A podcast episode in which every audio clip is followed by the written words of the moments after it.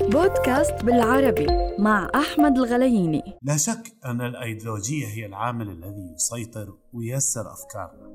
أقول الأيديولوجية التي تعمل على تشكيل أفكارنا والإيمان بها. ولا شك أيضا أن نسبة كبيرة ليس لديهم أي أيديولوجية رغم أن لها عامل كبير في تشكيل شخصيتنا وما نؤمن به من عقيدة فكرية. سألت الكثير على مواقع التواصل الاجتماعي من شكل الأيديولوجية تبع فقال أغلبهم المجتمع. وهون نحكي عن الأيديولوجية التي يستسقيها الناس من أفكار الآخرين وقد يصل بعضها لعدم التفكير بها أو تحليلها بشكل منطقي. خلينا نعترف أن أغلب الأيديولوجيات ليست مستقلة بل مشتركة. فمثلا هناك تشاركية في أيديولوجية أن العادات والتقاليد في الأفراح مهمة. فمثلا من الصعب أن تجد شخص في مجتمع ما يقول ما بدي أعمل عرض أو أتبع العادات والتقاليد في الأفراح وأكتفي فقط بتلقي التهاني هون بخاف الكثير من حديث الناس أو يتعرض للهجوم بسبب عدم اتباع العادات المتعارف عليها. هو ما شكل أيديولوجيته هو اتبع واستسقى أيديولوجية الآخرين. فبيضطر بعدها يمكن يأخذ قرض ليغطي مصاريف عرسه أو فرحه. كذلك الحال في أمور كثيرة، هون بنحكي عن أيديولوجية أفكار المتبع من المجتمع أو العادات والتقاليد، ما نقدر كثير إنه يتخلى عنها.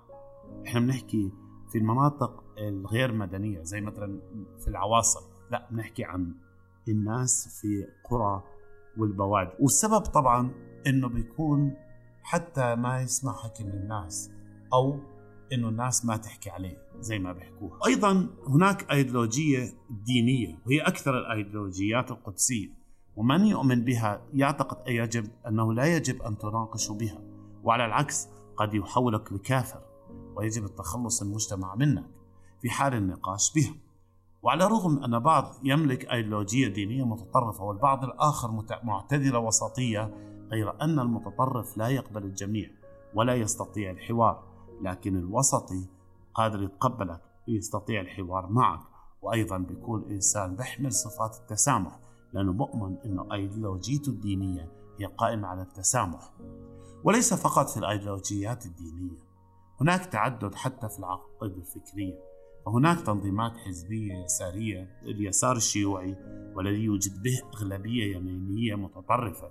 لا تقبل الحوار ولا النقاش أو تبادل الأفكار مع أي عقائد مختلفة عنه وخاصة القومية والأحزاب القائمة على أساس ديني حتى نكون منصفين علينا أن نفهم أن الأيديولوجيات الدينية هي أكثرها تنويرا تستطيع من خلالها الحوار والتفكير والنقاش ولكن للأسف هناك من يؤدلجها بطريقة لتكون وسيلة للسلطة. فالأيديولوجيات الدينية أساسها الكتب المقدسة والكتب المقدسة قائمة على التسامح وعلى محبة الآخرين. نحكي عن الكتب المقدسة الثلاث في الديانات الثلاث لكن للأسف هناك من يحولها لأيديولوجية متطرفة حتى يمتلك السلطة. طبعا ديت راسي هو أول من هندس الأيديولوجية وعرفها في كتابه عناصر الأيديولوجية في فترة عصر التنوير الفرنسي خلال القرن الثامن عشر. وهو, اللي وهو العلم الذي يدرس مدى صحة أو خطأ الأفكار التي يحملها الناس وخاصة الأفكار والمواقف العاطفية للإنسان الغير قابلة للنقاش أو التحليل عن طريق العقل. أعتقد بشكل شخصي أن الأفكار الدينية في ذلك الوقت هي التي كانت مسيطرة وقد حاول التنويريين في ذاك العصر محاربتها وزراعة الأفكار العقلانية ومنها الديمقراطية وأن السلطة بيد المدنيين وأن الدين لله وهو مقدس ولا يجوز خلطه ولا يجوز خلطه بالسياسة واستغلاله للسلطة. طبعا السياسة شيء مدنس. في عالمنا العربي وهون أرجو هنا أرجو التوضيح بشكل كبير. أننا نتحدث عن أفكار فقط.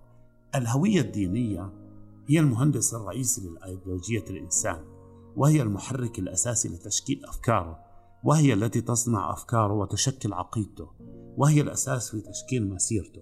وهناك من استطاع أن يدرج أن يجعل هذه الأيديولوجية أن تنور عقله بحيث أصبح شخصا ذو معرفة تامة بعقيدته وأمور حياته وأن يحولها لمنظومة حياة متكاملة.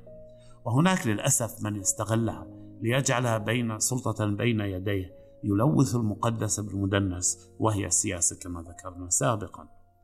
ومنهم من يرى أن الأيديولوجية الحقيقية هي الإيمان بأفكاره فقط والإغلاق عليها سواء كانت أفكارا سياسية أو اقتصادية أو حتى علمية دون النقاش أو الحوار أو الحوار بها. والعكس صحيح. عزيزي المستمع أكرر بلا شك أن لكل منا أيديولوجية وعقيدة يؤمن بها.